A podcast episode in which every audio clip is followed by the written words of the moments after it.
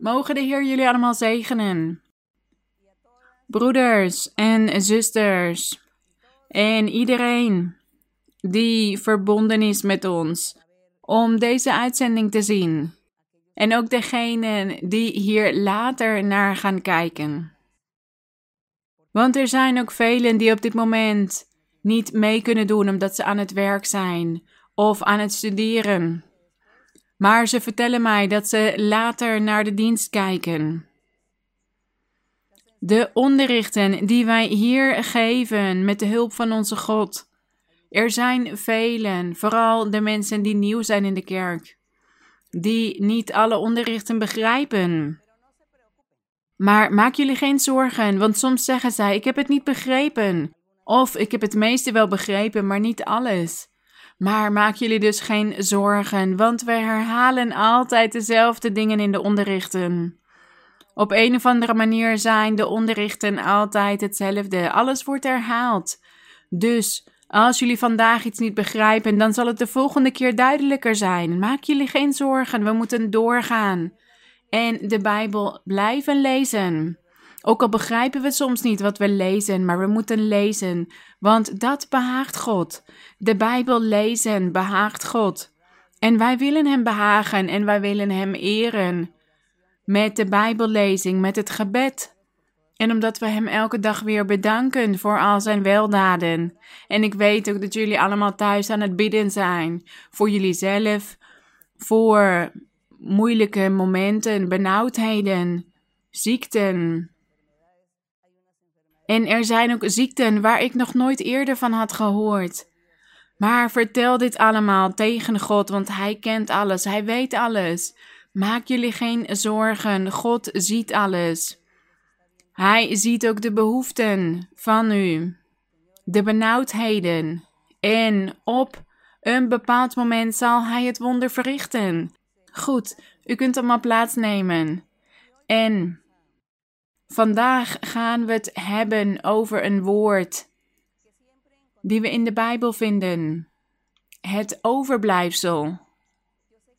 Ik weet dat mensen die nieuw zijn in de kerk of die nog maar sinds kort de uitzendingen luisteren, die weten wellicht niet wat het overblijfsel betekent of wat het is. De broeders en zusters van de kerk, degenen die al langer in de kerk zijn, die weten al over dit onderwerp. Jullie hebben al vaak gelezen over het overblijfsel. Maar we gaan dit vandaag dus uitleggen of verklaren. Het overblijfsel. En zo zullen wij de barmhartigheid van onze God zien, die Hij met ons heeft gehad. En het overblijfsel, dat betekent een rest. Overblijfsel betekent rest. Iets wat overblijft. In de oudheid, toen het volk van Israël door de Heer uit Egypte werd geleid. Onder leiding van Mozes. Degenen die in Egypte woonden in die tijd waren de geslachten van Jacob.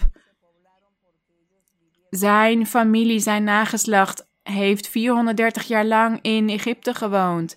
En ze waren dus vermenigvuldigd daar.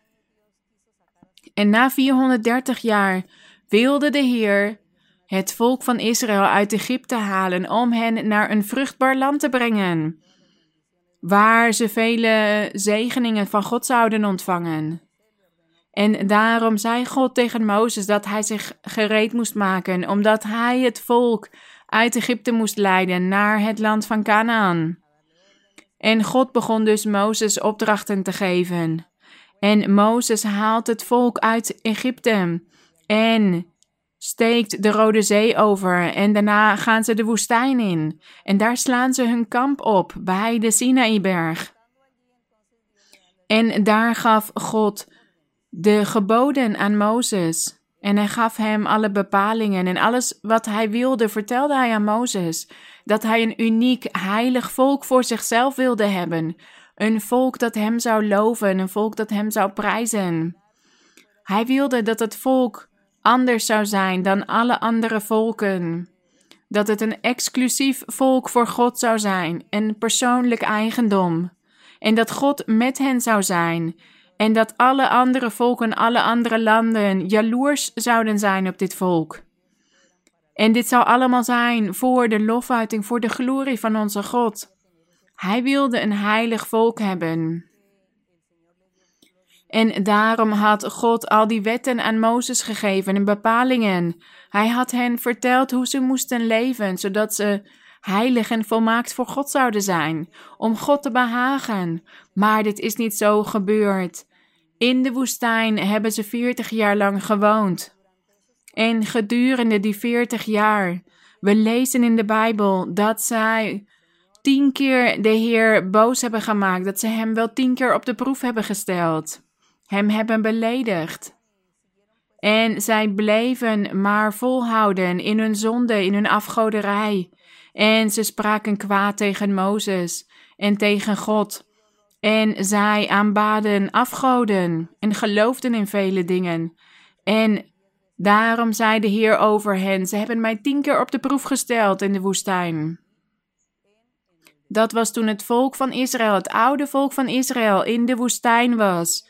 En dit was gedurende veertig jaar, zoals ik zei. En daarna was de Heer zo toornig geworden dat hij tegen Mozes zei: Ik ga dit volk vernietigen. Ik ga het van de aardbodem wegvagen. En Mozes kwam tussen beiden en begon voor het volk tot God te bidden en vroeg, vroeg om vergeving voor het volk. En de Heer heeft die oude generatie niet vergeven, maar de nieuwe, de jongere generaties heeft hij toen wel gespaard. De ouden, die zijn allemaal overleden in de woestijn in die tijd.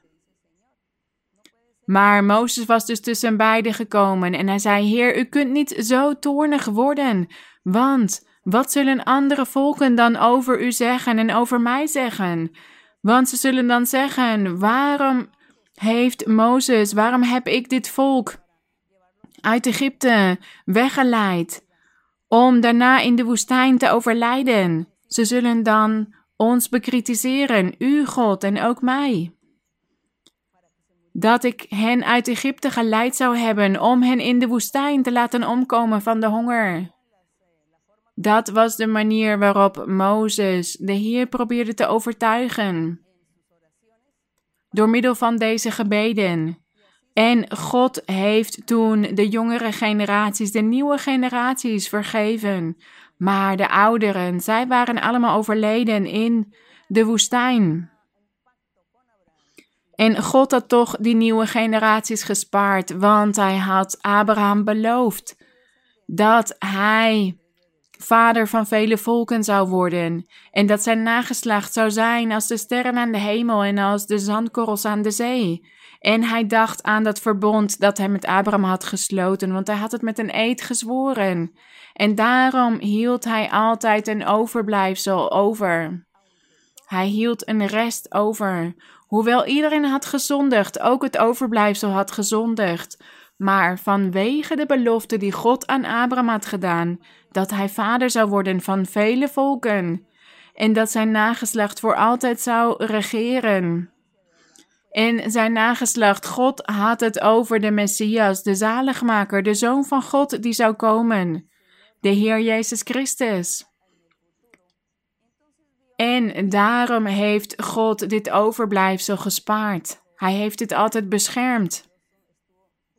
En hij heeft altijd erg voor dit overblijfsel gezorgd. Hij heeft ervoor gezorgd dat zij niet vernietigd zouden worden. Want hun nageslacht moest doorgaan. Want vele jaren later, eeuwen later, werd uit hen, uit dit nageslacht, de Messias, de koning, de verlosser geboren, die zo erg was aangekondigd door alle profeten in de oudheid.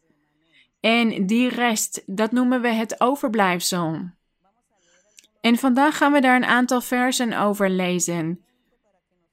Die gaan over het overblijfsel, zodat we dit goed kunnen begrijpen. En wanneer u dan de Bijbel leest en u vindt het woord, het overblijfsel of de rest, dan weet u waar het over gaat. Dan weet u wat de Heer hiermee wil zeggen. Dat was dus de rest van het volk van Israël dat was overgebleven. En zoals ik dus zei, niet omdat zij niet gezondigd hadden, want ze hadden wel gezondigd, maar vanwege Gods belofte aan Abraham. En vele eeuwen gingen voorbij na Egypte en na de woestijn. En er waren rechters en koningen en God heeft altijd voor zijn overblijfsel gezorgd. En in Ezra, laten we lezen in het boek Ezra. En ik had het dus over de geschiedenis van het volk van Israël toen zij in de woestijn waren, toen zij veertig jaar lang in de woestijn waren geweest, is Mozes overleden en zijn opvolger was Jozua geweest. En hij was het land van Canaan binnengegaan, Jozua samen met het volk. En zij moesten strijden tegen vele koningen, maar God gaf hen altijd de overwinning. Hij moest tegen al die andere volken strijden die in het land van Canaan leefden. En dit heeft vele jaren geduurd voordat zij het hele land van Canaan voor zich konden veroveren. En gedurende die tijd waren er altijd rechters over het volk van Israël aangesteld. En daarna kwamen de koningen, eerst koning Saul en toen koning David en daarna de rest van de koningen. Maar die koningen, er was altijd een koning die het goede deed en dan weer een koning die het slechte deed. Elke koning deed wat hem, wat hem goed leek. En er was dus soms een goede koning en die wilde dan God behagen.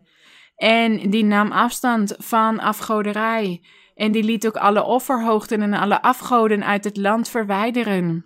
Maar als er dan weer een koning kwam na hem, die slecht was, dan ging hij weer al die offerhoogten op laten bouwen.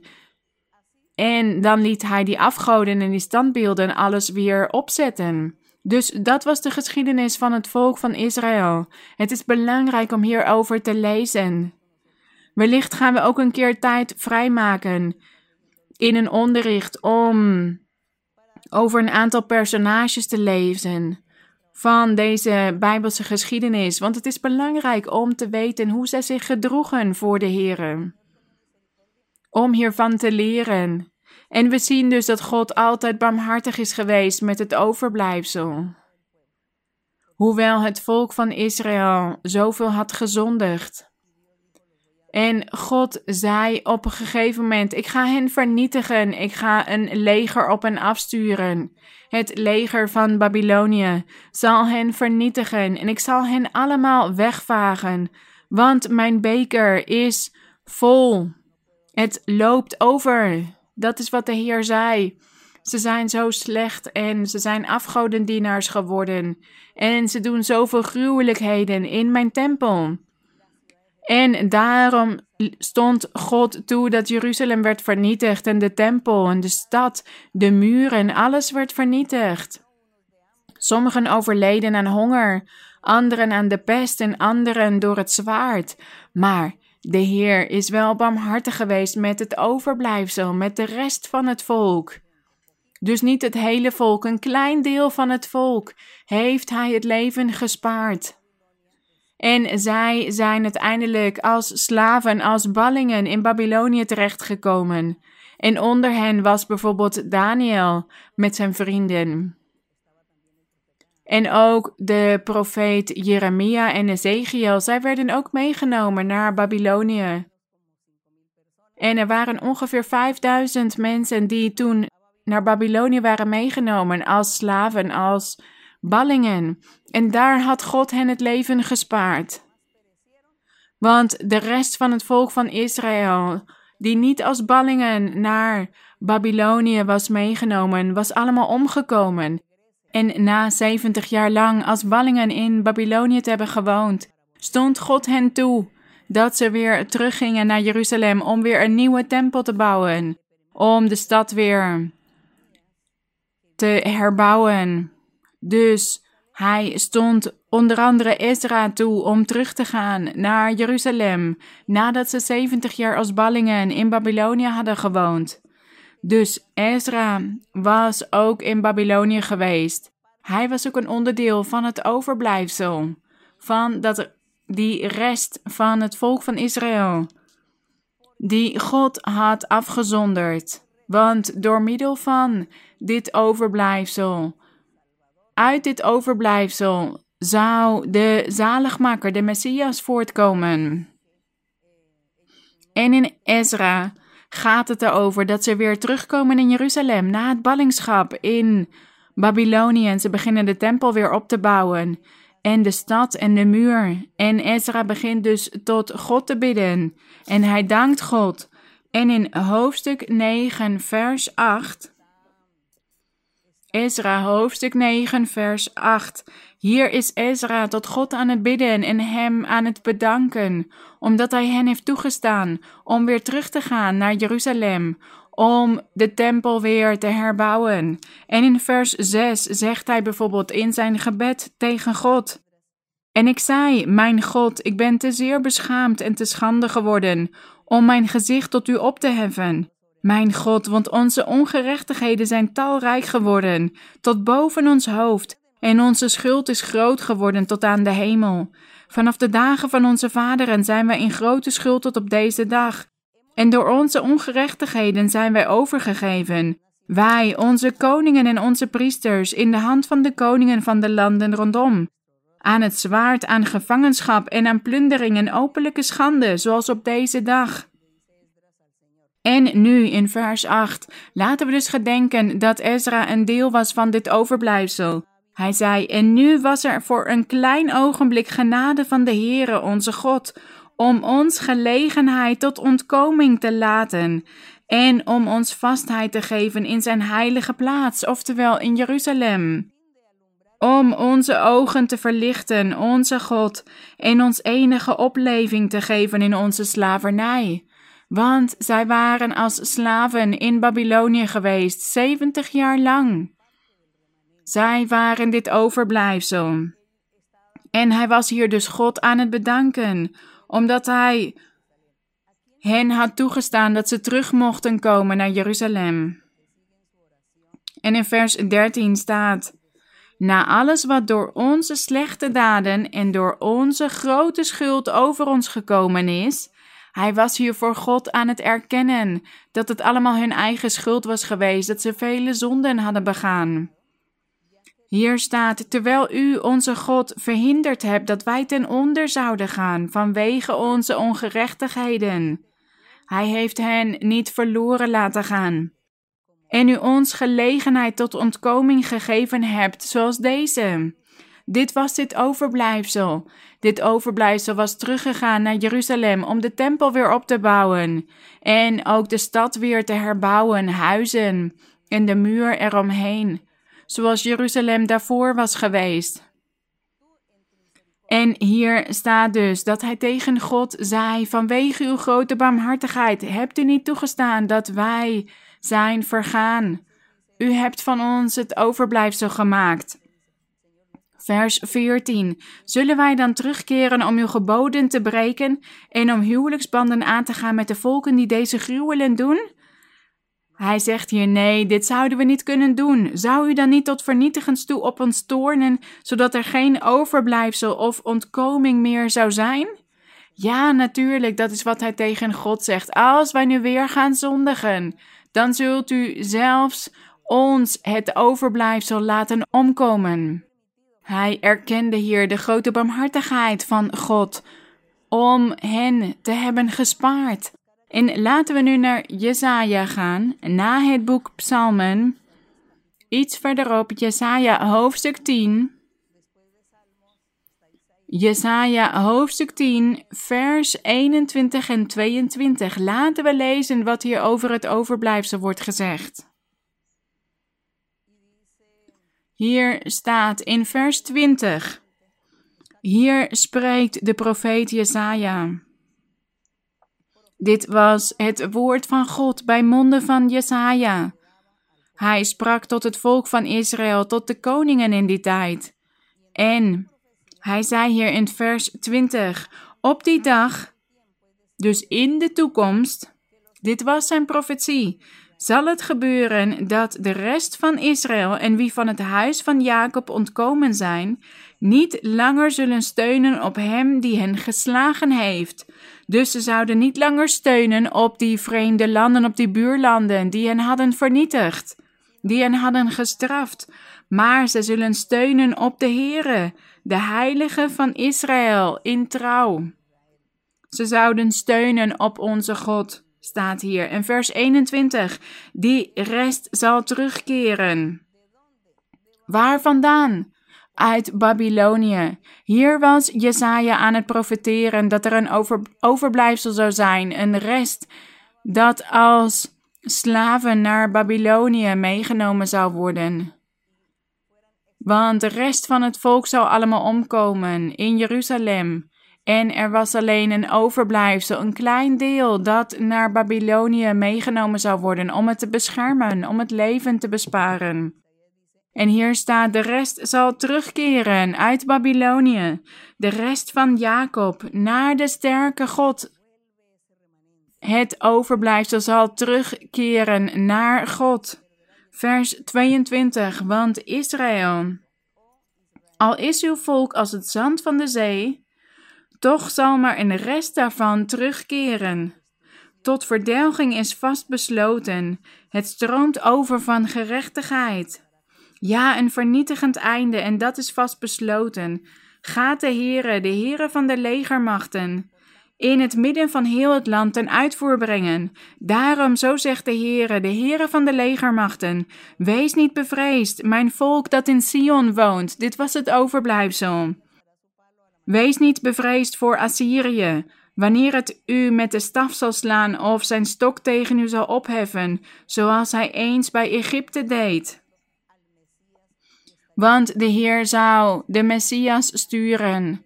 Hij zou een verlosser, een zaligmaker sturen om bij zijn overblijfsel te kunnen zijn. Want deze beloften waren voor het overblijfsel. Zij waren de enigen die zouden genieten van al die beloften die God had gedaan. Sinds de tijd van zijn profeten, sinds de tijd van Mozes. God beloofde zoveel zegeningen voor zijn volk, wonderen. Maar omdat het volk hem gefaald heeft, heeft God een overblijfsel van hen overgehouden, gespaard, en die zouden wel genieten van die beloften. Die zouden de vervulling van die beloften zien. Die zouden genieten van het brood des levens en het levende water. En die zouden naar binnen mogen gaan door die ware toegangspoort naar het eeuwige leven.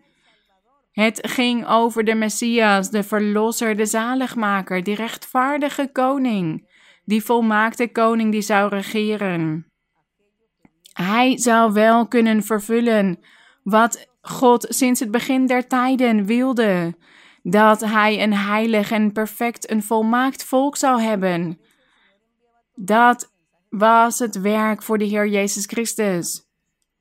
En God had door middel van al deze profeten vele boodschappen naar het volk van Israël gestuurd, vele berichten. Maar hij wist dat het volk hier niet naar zou luisteren. Hij wist dat ze koppig, opstandig zouden zijn. Maar die profetieën waren voor het overblijfsel. De rest van het volk van Israël. Zij zouden mogen genieten van deze zegeningen. En in Jesaja hoofdstuk 11, vers 10, hier gaat het over de Messias en zijn vrederijk. Hoofdstuk 11 van Jesaja, vers 10. Hier zegt de Heer, we hebben niet genoeg tijd om alles te lezen. Het is zo mooi, dit allemaal. Wat God beloofde voor zijn overblijfsel. Bijvoorbeeld in vers 6. Een wolf zal bij een lam verblijven. En deze wolf en dit lam, dit zijn mensen op een symbolische manier. En een luipaard zal bij een geitenbok neerliggen. Een kalf, een jonge leeuw en gemest vee zullen bij elkaar zijn. Een kleine jongen zal ze drijven. En wat betekende dit? Dit was voor het overblijfsel. Dit zouden zij genieten in de toekomst. Hier zouden zij van genieten, dankzij de Verlosser, de Zaligmaker. Want Hij zou het hart van iedereen veranderen. Hij zou ervoor zorgen dat iedereen in volmaaktheid en heiligheid zou kunnen leven, zonder wraak en jaloezie en haat in hun hart. En afgoderij en bijgeloof. Ze zouden als een lam zijn, als een duifje. Dus deze wilde dieren, de wolf en de luipaard en een leeuw, dit zijn die karaktereigenschappen van de mensen. Zo gedragen ze zich. Maar hij zou van iedereen een lammetje maken of een duif. Zo zou hij met zijn overblijfsel omgaan. En niet alleen zijn overblijfsel, maar we lezen ook in de Bijbel dat dit voor het overblijfsel is, maar ook voor de heidenen. Die heidenen die afgezonderd waren van het volk van God, van de weg van God, van het plan van God. Want God had het volk van Israël uitgekozen als enig volk, en de rest werden allemaal heidenen genoemd. Maar God wist dat er in de toekomst ook een kans zou zijn voor de heidenen, net als voor het overblijfsel. En al deze dieren dus en deze versen, dit zijn mensen met die karaktereigenschappen. En hier staat in vers 9: Men zal nergens kwaad doen of verderf aanrichten op heel mijn heilige berg, oftewel in de kerk van de Heer. Want de aarde zal vol zijn van de kennis van de Heere, zoals het water de bodem van de zee bedekt. Want op die dag, vers 10, zal de wortel van Isaïe zijn. Die zal staan als banier voor de volken, als een vlag voor de volken. Naar hem zullen de heidevolken vragen. Zijn rustplaats zal heerlijk zijn.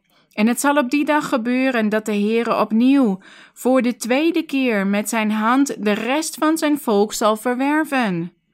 Dus het gaat hier over de Messias die zou komen. En dat hij de rest van zijn volk met zijn hand zou verwerven. Hier staat die overgebleven zal zijn in Assyrië en Egypte, in Patros, in Kush, in Elam en in Sinear, Hamat en op de eilanden in de zee. Dit is allemaal symbolisch. Dit zijn allemaal plekken over de hele wereld waar er mensen zullen zijn die in God gaan geloven op een symbolische manier. Deze plaatsen. Dus er zullen kinderen van God zijn over de hele wereld. Er zullen mensen van over de hele wereld zich bekeren tot onze God, samen met het overblijfsel. En ook het overblijfsel was verspreid over vele landen. En het zal allemaal tot God terugkeren. Vers 12. Hij zal een banier omhoog heffen onder de heidevolken. En hij zal de verdrevenen van Israël verzamelen. En zij die vanuit Juda overal verspreid zijn bijeenbrengen van de vier hoeken van de aarde. Dus velen van het oude volk van Israël waren overleden, maar het overblijfsel had hij altijd gespaard. En voor dit overblijfsel zou er een weg zijn. Een weg zijn om weer tot God te komen. En hier staat in vers 16: Er zal een gebaande weg zijn voor de rest van zijn volk, die overgebleven zal zijn in Assyrië, zoals het met Israël gebeurde op de dag dat het wegtrok uit het land Egypte. Dat was wat de Heer had voor zijn overblijfsel: een gebaande weg naar God toe. En dit was dus het overblijfsel van het oude volk van Israël dat wanneer de Messias zich zou openbaren op de aarde, dat er mensen zouden zijn die naar hem zouden luisteren en in hem zouden geloven. En zo lezen we de geschiedenis, we lezen de evangeliën. En we zien dat het volk in het algemeen, de mensen, de arme, ellendige mensen van het volk, dat ze in de Heer hebben geloofd toen hij zijn evangelie aan het verkondigen was. En vele anderen die de leiders waren en zeiden dat ze zoveel wisten. Zij hebben de Heer verworpen in die tijd. Maar waarom? Omdat zij niet bij het overblijfsel hoorden. Zij waren geen onderdeel van het overblijfsel. Wie waren er wel onder het overblijfsel? Bijvoorbeeld Jozef en Maria, de ouders van de Heer Jezus in het vlees. Zij waren een onderdeel van dat overblijfsel de ouders van de Heer Jezus. God had hen uitgekozen. Want de Heer had gezegd dat de Messias, de Verlosser, uit het nageslacht van David zou voortkomen. En David was al vele eeuwen geleden overleden. Maar God heeft altijd omgekeken naar zijn overblijfsel, naar dat nageslacht van David, zodat uit hem de Heer Jezus Christus kon voortkomen. En toen de Heer uiteindelijk zijn evangelie begon te verkondigen op aarde, heeft hij zijn discipelen uitgekozen, zijn apostelen, en zij waren ook Joden. Zij behoorden tot het Joodse volk. En zij waren dus ook een onderdeel van het overblijfsel. Zij waren de eersten die bij dit overblijfsel hoorden. Omdat God zijn belofte aan Abraham wilde vervullen. En in Jesaja hoofdstuk 28, hoofdstuk 28 vers 5. Hier staat Jesaja 28 vers 5. De Heer spreekt hier bij monden van de profeet Jesaja. Hij profeteert tot het volk en hij spreekt ook tot het overblijfsel en voor de toekomst, voor de komst van de Messias, voor die tijd. En in vers 5 staat: Op die dag zal de Heere van de legermachten, oftewel in de toekomst, oftewel in de tijd van de openbaring van de Heer Jezus Christus op de aarde. Wat zal er dan gebeuren? Hier staat: Op die dag zal de Heere van de legermachten tot een schitterende kroon en sierlijke krans zijn voor de rest van zijn volk. In de dagen van de Messias, van de Verlosser. Dus de Heere zal tot een schitterende kroon en een sierlijke krans zijn voor de rest van zijn volk, voor het overblijfsel en ook tot een geest van het recht voor wie zit om recht te spreken, en tot een kracht voor wie de strijd terugdringt naar de poort. Dus de Heer zou komen om verterend vuur te zijn voor de ongelovigen, voor degenen die hem verworpen en minachten, maar voor zijn overblijfsel, voor de rest van zijn volk, degenen die hem wel hebben aangenomen, voor hen was hij tot een schitterende kroon en sierlijke krans geweest, en tot een geest van het recht. Wat een zegening voor dit overblijfsel. En laten we verder gaan. Willen jullie meer lezen over het overblijfsel dat naar Babylonië was weggevoerd en daarna was teruggekeerd? Lees dan de boeken Nehemia, Ezra. Dan lezen jullie over die geschiedenis van het overblijfsel. Wat zij allemaal hebben gedaan en ook de beloften die God hen deed voor de toekomst. Voor de tijd waarin de Messias zich zou openbaren. Dus dat was dit overblijfsel, de rest van het volk van Israël, van het oude volk. Degene die hij uit zijn barmhartigheid had gespaard. Dus niet omdat zij niet gezondigd hadden, ze hebben veel gezondigd, maar God heeft hen dit door de vingers gezien, omdat hij zijn woord wilde vervullen. Zijn woord kon niet falen.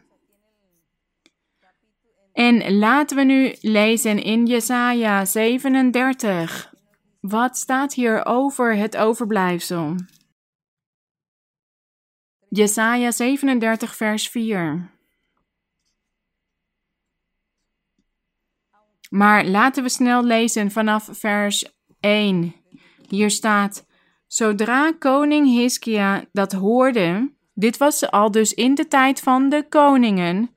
Deze profeet, de profeet Jesaja, profeteerde tot goede koningen, slechte koningen. Het waren profetieën voor die koningen, maar ook voor de toekomst. En hier staat: Zodra koning Hiskia dat hoorde, gebeurde het dat hij zijn kleren scheurde, zich in een rouwgewaad hulde en het huis van de Heere binnenging. Ja, want de Heer had tegen hem gezegd dat hij zou sterven.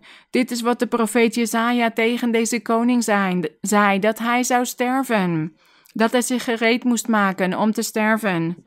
Vers 2. Verder stuurde hij Eljakim, het hoofd van de hofhouding, Sepna de schrijver en de oudsten van de priesters, gehuld in rouwgewaden, naar Jesaja de profeet, de zoon van Amos. Ze zeiden tegen hem, dit zegt Hiskia, deze dag is een dag van benauwdheid, bestraffing en belediging. Ja, de kinderen staan op, punt, op het punt geboren te worden, maar er is geen kracht om te baren. Dit ging over het volk van Israël. Zij leefden in zonden. En daarom werden ze hier vergeleken met dat er kinderen geboren zouden worden, maar dat de moeder geen kracht had om te baren. Wat betekende dit? Dat ze allemaal zouden overlijden, want in zo'n geval overlijdt de moeder en ook het kind. Omdat het kind geboren wilde worden, maar de moeder geen kracht meer had. Dus dit was een metaforische manier. God zei op deze manier tegen dit volk wat er met Jeruzalem zou gebeuren. Met het volk van Israël, want ze hadden gezondigd voor God. En ze zouden allemaal vernietigd worden door het leger van Babylonië. De enigen die gespaard werden was het overblijfsel. En zij zijn als slaven, als ballingen naar Babylonië meegevoerd. Vers 4. Er was dus geen kracht meer om te baren. Vers 4. Misschien zal de Heere, uw God, de woorden horen van de commandant, die zijn Heer, de koning van Assyrië, gestuurd heeft om de levende God te honen. En zal hij hem straffen om de woorden die de Heere, uw God, gehoord heeft. Wilt u dan een gebed opzenden voor het overblijfsel dat er nog te vinden is? Dus deze koning, koning Hiskia, was bezorgd om het overblijfsel. Want hij wist dat ze hadden gezondigd en hij wist dat God boos op hen was en dat God hen zou vernietigen. Zij wisten dit. Maar ze wisten ook dat er een overblijfsel was, want God sprak altijd tot hen bij monden van de profeten en hij sprak ook altijd over het overblijfsel. En daarom zei, tegen, zei deze koning: Wilt u dan een gebed opzenden voor het overblijfsel dat er nog te vinden is? Dus hij vroeg aan de profeet Jesaja om te bidden voor het overblijfsel, zodat het gespaard zou worden. En daarom zei hij tegen zijn dienaren: Zeg dit tegen de profeet Jesaja, dat hij voor mij moet bidden, maar niet alleen voor mij, voor het overblijfsel. En laten we verder gaan naar Jeremia, hoofdstuk 23. Jeremia 23. Vers 1. Hier staat. Jeremia 23, vers 1. Wee de herders die de schapen van mijn weide ombrengen. Dit was een profetie van Jeremia toen het volk van Israël, toen de stad van Jeruzalem werd belegerd door die vijandige koningen, was Jeremia ook in Jeruzalem, maar hij was in een put gegooid. Hij was gevangen gezet en dit was wat hem uiteindelijk het leven heeft gespaard. En hier staat dus Jeremia 23, vers 1. Wee de herders die de schapen van mijn weide ombrengen en overal verspreiden, spreekt de Heere.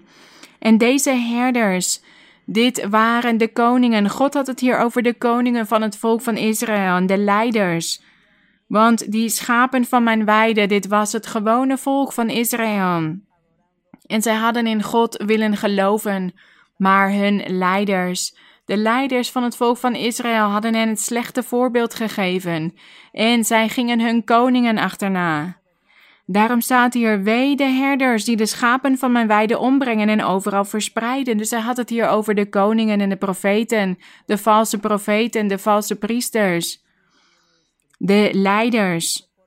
Daarom, zo zegt de Heere, de God van Israël, van de herders die mijn volk weiden.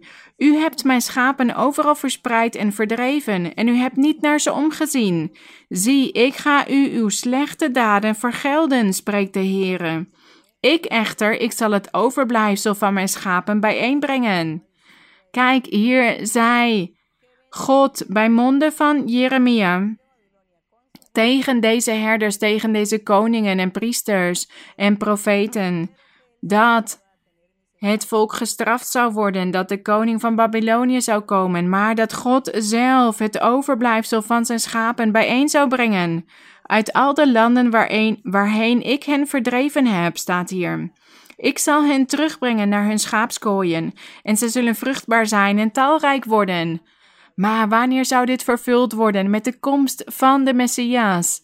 Bij de komst van de Messias zouden zij teruggebracht worden naar hun schaapskooien en zouden ze vruchtbaar worden en talrijk. 4. Ik zal over hen herders doen opstaan die, hun, die hen wijden zullen.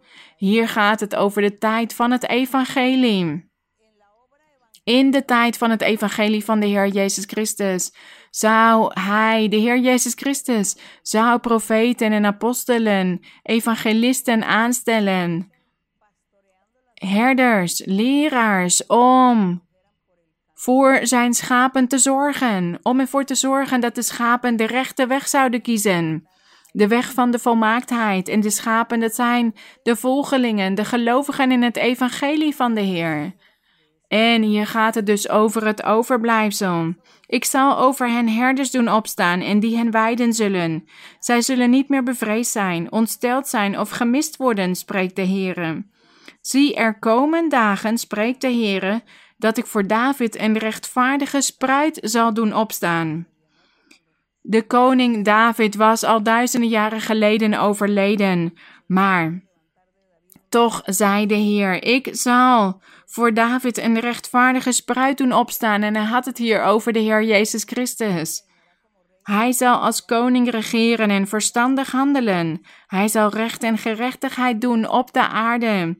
En wie zou hiervan genieten, genieten het overblijfsel?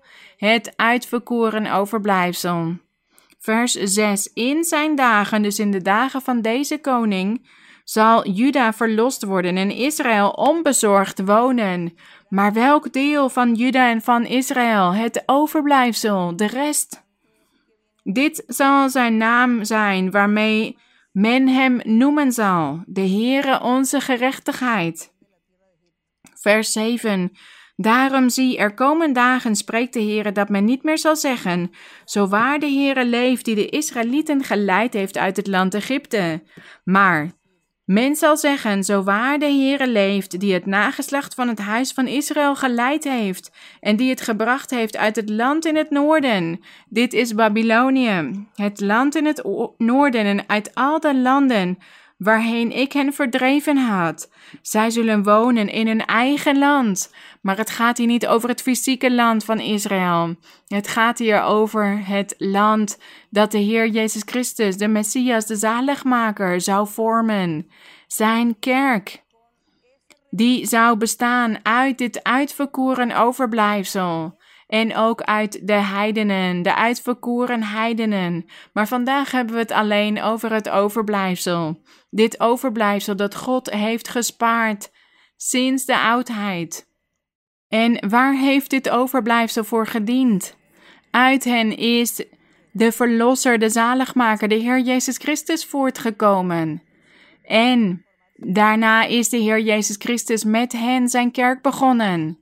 En dit noemt hij hun eigen land in vers 8. Dus hier staat: Men zal niet meer zeggen: Kijk, zo waar de Heere leeft, die de Israëlieten geleid heeft uit het land Egypte onder leiding van Mozes. Nee, iedereen zal praten over de Heere, die het nageslacht van het huis van Israël geleid heeft en die het gebracht heeft uit het land in het noorden, uit Babylonië en alle andere landen waarheen hij hen had verdreven. En zij zullen wonen in hun eigen land. Het land van de Messias, de tempel van de Heer, geen fysieke tempel meer. Toen de Heer kwam, toen de Messias was gekomen en begon te verkondigen. Toen begon het overblijfsel zich te bekeren tot hem. Tot op vandaag de dag gebeurt dit nog, want er is nog steeds dit overblijfsel van het volk van Israël. Er zijn nog steeds Israëlieten die zich bekeren tot God, tot de Heer Jezus Christus. Er zijn nog vele mensen op de aarde die gered moeten worden. voor het koninkrijk der hemelen, om erbij te mogen horen. En zo begon dus de Heer eerst aan zijn overblijfsel het evangelie te verkondigen, zodat ze gelukkig konden zijn. En hier staat dat hij hen uit alle landen weer terug zou brengen naar hun eigen land, naar zijn huis, zijn tempel, maar dit was niet meer fysiek.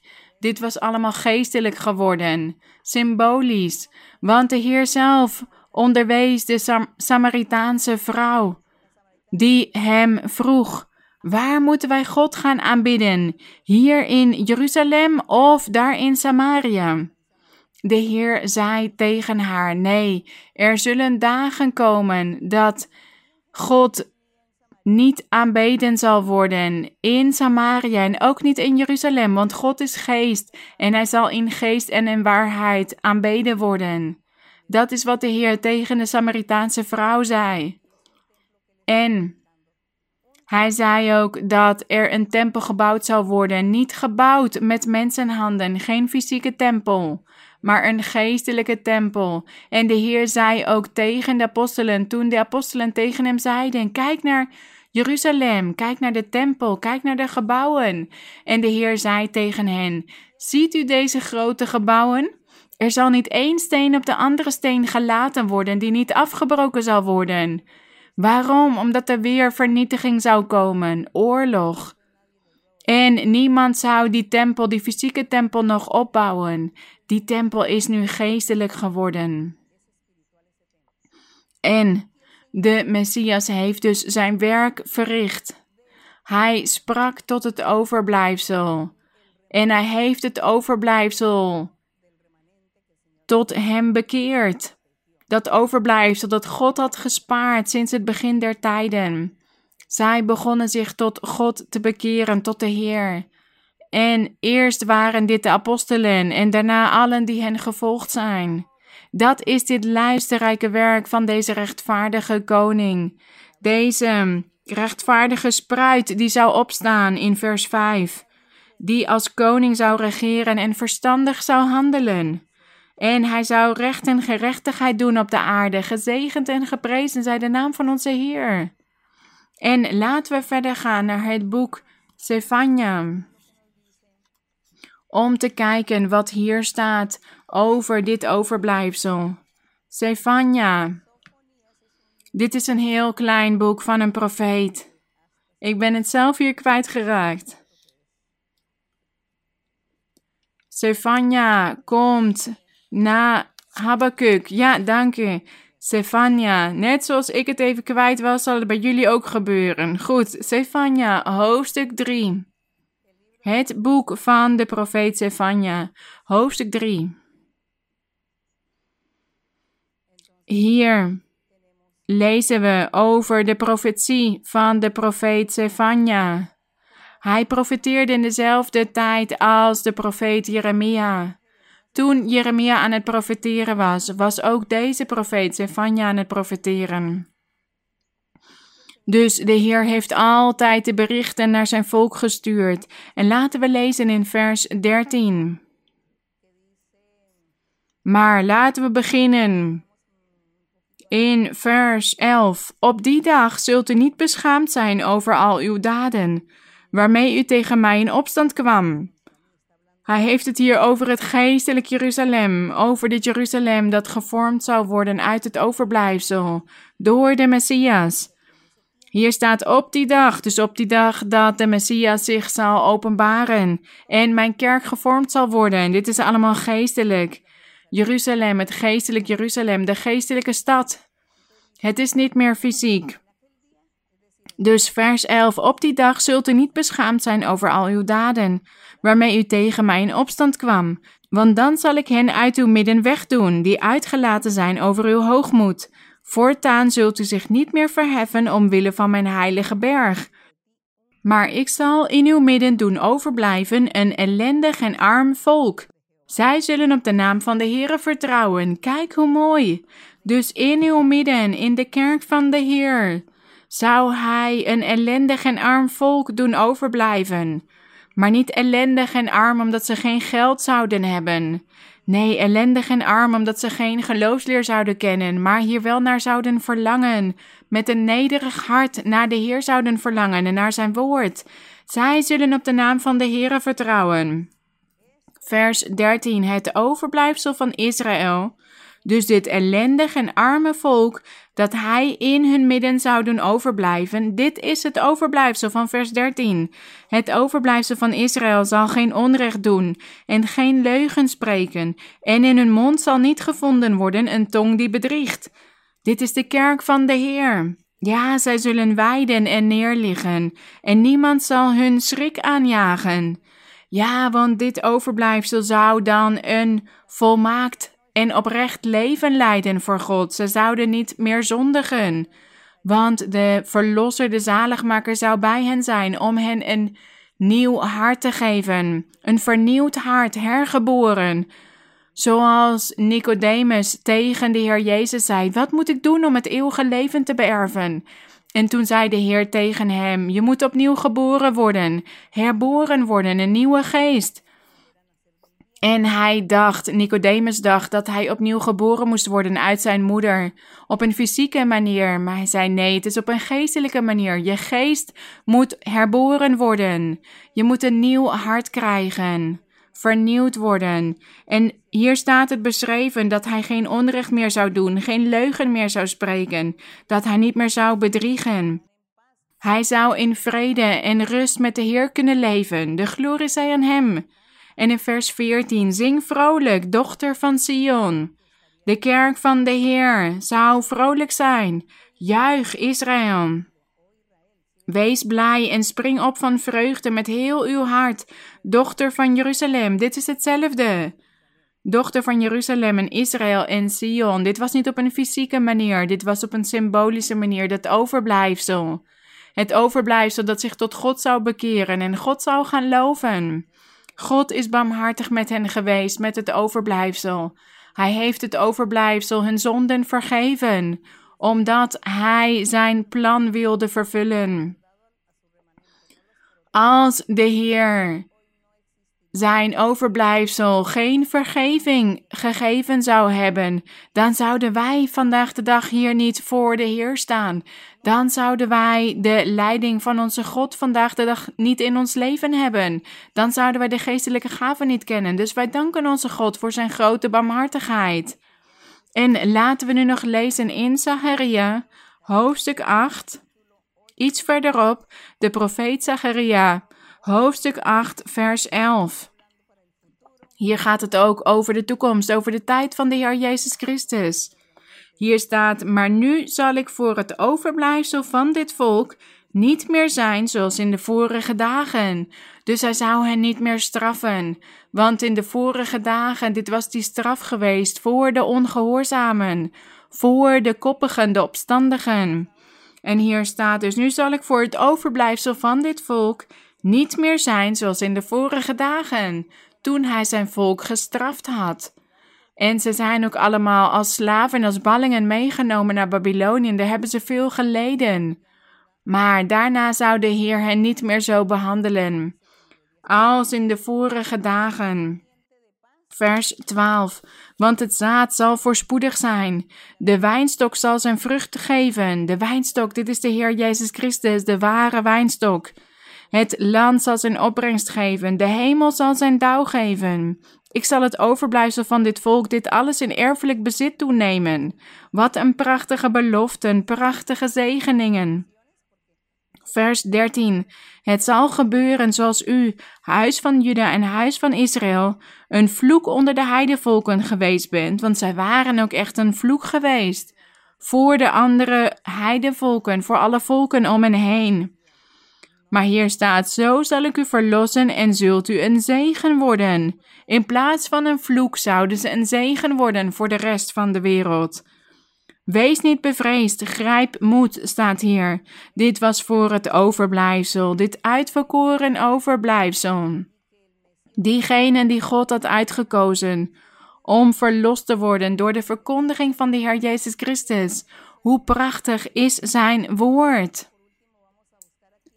En laten we nu naar het Nieuwe Testament gaan, naar het boek Romeinen. Romeinen hoofdstuk 11. Laten we tot slot naar Romeinen hoofdstuk 11 gaan. Vers 1. Dit is het laatste wat we gaan lezen. Romeinen hoofdstuk 11, vers 1. Hier staat. De apostel Paulus zegt hier. Hij spreekt hier over het overblijfsel. Hij zegt: Ik zeg dan, heeft God zijn volk verstoten? Zijn Joodse volk? Of het volk van Israël? Heeft God dit verstoten? Volstrekt niet. Dit is al in de tijd van het evangelie van de Messias, van het evangelie van onze Heer Jezus Christus. Hij had verkondigd en het overblijfsel is het eerste geweest dat in de Heer Jezus heeft geloofd. En dit is doorgegaan, dit overblijfsel. En daar wilde de apostel Paulus hier over spreken, over dit overblijfsel van het volk van Israël. Hier staat dus volstrekt niet. Ik ben immers ook een Israëliet, uit het nageslacht van Abraham, van de stem Benjamin. God heeft zijn volk dat hij van tevoren kende niet verstoten. Of weten niet wat de schrift zegt in de geschiedenis van Elia? Hoe hij God aanspreekt over Israël en zegt: Heere, uw profeten hebben zij gedood. Goed, laten we het kort hebben over de geschiedenis van Elia.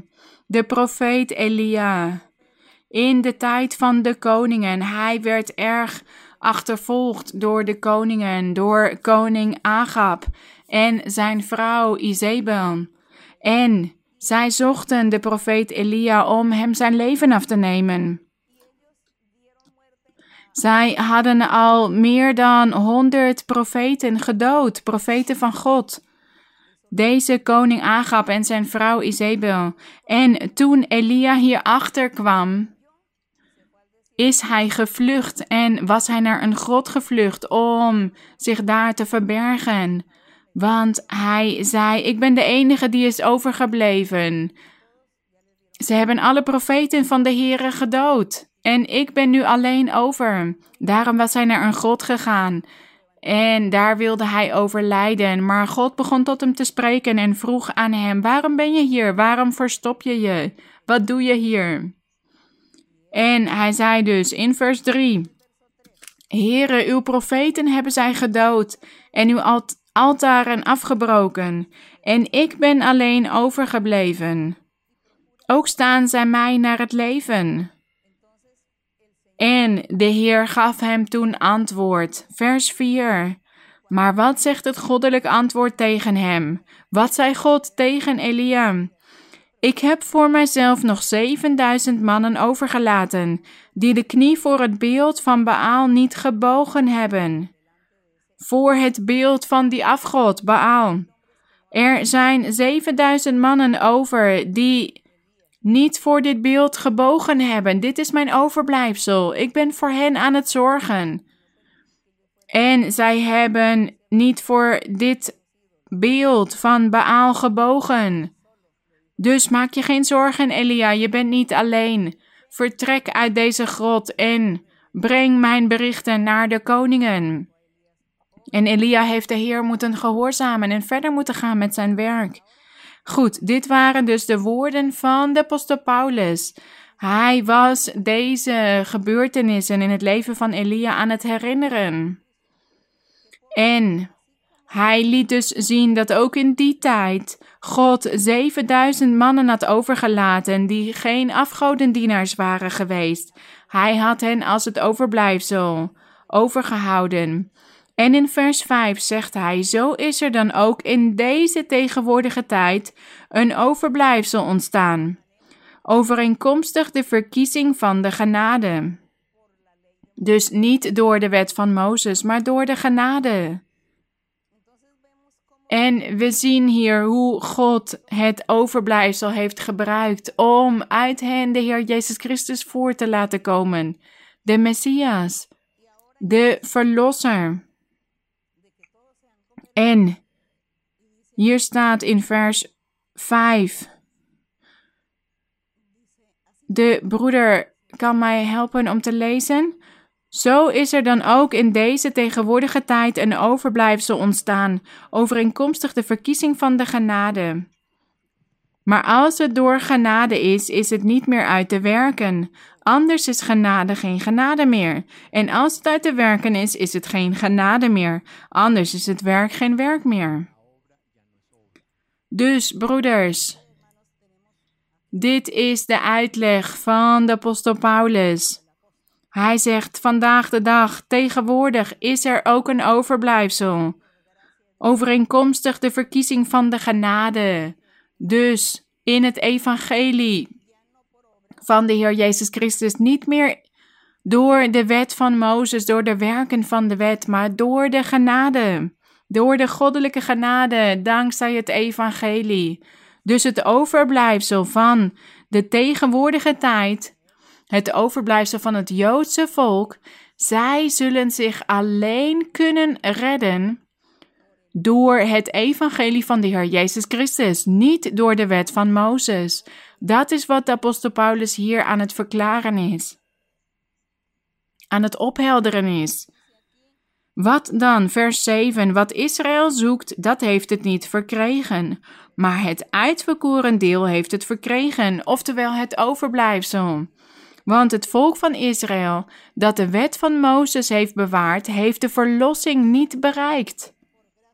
Maar de uitverkorenen, oftewel het overblijfsel, degenen die gelovigen in Christus zijn geworden, zij hebben wel verkregen, de verlossing verkregen. En zij zijn dus dit overblijfsel geworden, dit uitverkoren overblijfsel. Dankzij de goddelijke genade, niet dankzij de wet van Mozes. En zowel dus de Joden als de Israëlieten, de rest van hen die niet hebben geloofd, die zijn allemaal verhard, staat hier aan het eind van vers 7 en vers 8. Zoals geschreven staat, God heeft hun een geest van diepe slaap gegeven. Aan wie? Aan de Joden, aan de Israëlieten, die de wet van Mozes wilden blijven volgen. En niet in het evangelie wilden geloven. Hij heeft hen een geest van diepe slaap gegeven, ogen om niet te zien en oren om niet te horen, tot op de dag van heden. Tot op de dag van vandaag is dit zo. Oftewel in de tijd van het evangelie tot op de dag van heden. Vers 9. En David zegt: Laat hun tafel voor hen worden tot een strik, tot een valkuil, tot een struikelblok en tot vergelding. Laat hun ogen verduisterd worden, zodat zij niet zien, en maak hun rug voor altijd krom. Voor wie zei hij dit? Over wie zei hij dit? Wie gebeuren, wie overkomen deze dingen? De Israëlieten of de Joden? Die opstandig zijn geworden, die het evangelie van de Heer Jezus Christus niet hebben willen aannemen. Er is maar één belofte voor het overblijfsel, het uitverkoren overblijfsel. Net als in de oudheid heeft hij vandaag de dag ook dit overblijfsel. We weten dus dat het evangelie al sinds meer dan 2000 jaar geleden is begonnen. En sinds die tijd zijn er al vele Joden geweest die zich tot de Heer Jezus hebben bekeerd. Dit is het overblijfsel. Dit is het overblijfsel dat u vindt in de Bijbel als u leest. En het is nu duidelijk dat er in de oudheid een overblijfsel was en dat al die beloften voor het volk van Israël eigenlijk voor het overblijfsel waren. Alleen voor het overblijfsel, want de rest heeft niet in hem geloofd. En de rest heeft hij daarom verhard. Hij heeft hen nog meer verhard, omdat ze ongelovig waren. Goed, ik bied jullie mijn excuses aan. Ik heb vaak problemen met de airconditioning. Het is niet de eerste keer dat dit mij overkomt. Door de lucht van de airconditioning raak ik soms mijn stem kwijt. Dus ik denk dat we volgende keer de airconditioning maar uit moeten zetten. Goed. Ik weet dat jullie mijn excuses zullen aanvaarden. Laten we tot de Heer gaan bidden. Laten wij gaan bidden tot onze God voor degenen die ziek zijn. Voor degenen die vastgebonden zijn door hekserijen, tovenarijen, vervloekingen. Velen schrijven mij dat ze slachtoffer zijn geworden van hekserijen en tovenarijen en bezweringen. En er zijn ook velen die ongeneeslijk ziek zijn. Kinderen die ziek zijn. Ik word veel geschreven over heel veel leed en ziekten. Laten we gedenken dat we allemaal op God moeten vertrouwen en allemaal tot God moeten bidden. Er zijn mensen die tegen mij zeggen: Ik schrijf tot u, want ik bid tot God. Maar ik ben hier moe van geworden, want hij hoort mij niet. Goed, dit zeggen ze mij dan. En daarom vertellen ze het mij. Wat kan ik doen? Goed, ik kan ook tot de Heer bidden voor jullie en ik kan ook om barmhartigheid vragen. En in dit gebed dat we samen doen, dit is een algemeen gebed voor jullie allemaal. En de bedoeling is dat jullie allemaal op dit moment jullie, jullie verzoeken, jullie problemen, jullie behoeften aan God vertellen. Tot God gaan bidden voor jullie eigen situatie. En als er ook familieleden zijn die slachtoffer zijn geworden van hekserijen of tovenarijen of vervloekingen. Als er iemand is in jullie gezin die naar de kerk toe komt, laat die persoon dan zijn handen opleggen op de familieleden thuis die hieronder lijden, die door kwade geesten gekweld worden. En blijf niet simpelweg afwachten. Neem actie, bid tot God. Vraag God om u te reinigen, om u te bevrijden. En laten we dus gaan bidden. Gezegende God, Almachtige God, Heilige Vader. Heer, in de naam van uw Zoon, de Heer Jezus Christus uit Nazareth, staan wij voor u op dit moment om te spreken over alle behoeften, geestelijke en materiële behoeften. Kijk naar al het leed, mijn Heer al die pijn en verbitterdheid en moeilijke momenten waar mensen onder lijden. Ze lijden vanwege fysieke ziekten en ook ongeneeslijke ziekten. En ook ziekten die de dokters niet eens kunnen ontdekken. En er zijn ook velen die lijden onder hekserijen, tovenarijen, vervloekingen, bezweringen. Heer, strek uw hand uit, wees barmhartig. Luister naar deze mensen, naar deze personen. Luister naar hun gebed, verhoor hen. Kijk naar hun lijden, hun ziekte. Wees barmhartig, mijn Heer. Wees barmhartig, want de vijand is dicht bij ons en hij wil altijd tegen ons opstaan om ons te laten lijden, om ons te schaden zodat we niet op u vertrouwen. Gezegende God, Almachtige God, help ons om op u te vertrouwen en om de vijand te bestraffen. Strek uw krachtige, wonderbaarlijke hand uit over iedereen, elke man, elke vrouw, elke oudere, elk kind, elk, elke baby en ook degene die nog in de baarmoeder van hun moeder zijn en al ziek zijn en lijden. Heer, wees barmhartig genees en bevrijd en breek ketens. Maak hen van boeien vrij, mijn Heer, van de ketens van de vijand. Hier, er zijn ook velen die behoeften hebben, economische behoeften, velen die schulden hebben en geen woning hebben, geen inkomen. Er zijn velen die gebrek lijden vanwege deze pandemie. Heer, Berisp, bestraf deze plaag, dit kwaad, dit werk van de duivel, mijn Heer. Breek die ketens en reinig. En los dit probleem op, mijn Heer. Los het probleem van iedereen op, mijn Heer. Zegen iedereen. En open deuren in het geestelijke en in het materiële. En zorg ervoor dat iedereen zijn schulden kan afbetalen. Geef hen het geld hiervoor en geef ook voedsel en kleding. Alles wat mensen aan u vragen, mijn Heer. Help iedereen en bevrijd. We danken u, mijn Heer, omdat u ons gebed aanhoort. We danken u omdat u ons verhoort, mijn Heer. We danken u voor de beloften en ook voor alle zegeningen. En de wonderen en genezingen die u doet in velen en uw openbaringen, mijn Heer. Heer, onderwijs iedereen en leid iedereen op de juiste, rechte weg. Geef openbaringen. En geef ook vreugde en blijdschap in hun hart, zodat ze doorgaan. Want er zijn ook velen die het verlangen hebben om hun leven af te nemen. Maar Heer, bestraf deze kwade geesten. Vernietig het werk van het kwaad in de naam van de Heer Jezus Christus uit Nazareth. Amen. We danken u. De glorie en de eer zij aan u, mijn Heer. Gezegend onze Heer tot in alle eeuwigheid. Laten we koor 16 zingen. Koor 16. Jezus is bij ons. Koor 16 uit jullie lofliederenboek. Jezus is bij ons. En help mij allemaal mee. Jullie die nog een stem hebben. En ook degenen die hier bij me zijn. Jezus is bij ons. Vraag hem wat je wenst.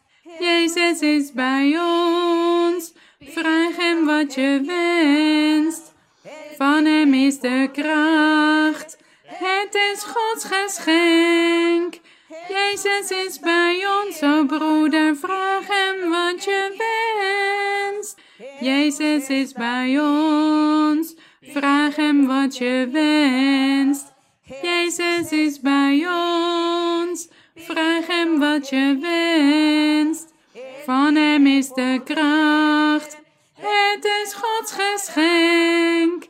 Jezus is bij ons, o broeder, vraag hem wat je wenst. De glorie zij aan de Heer, we danken onze God. We moeten de Heer dus vragen waar wij naar verlangen en laten we erin geloven dat de Heer ons dit zal geven.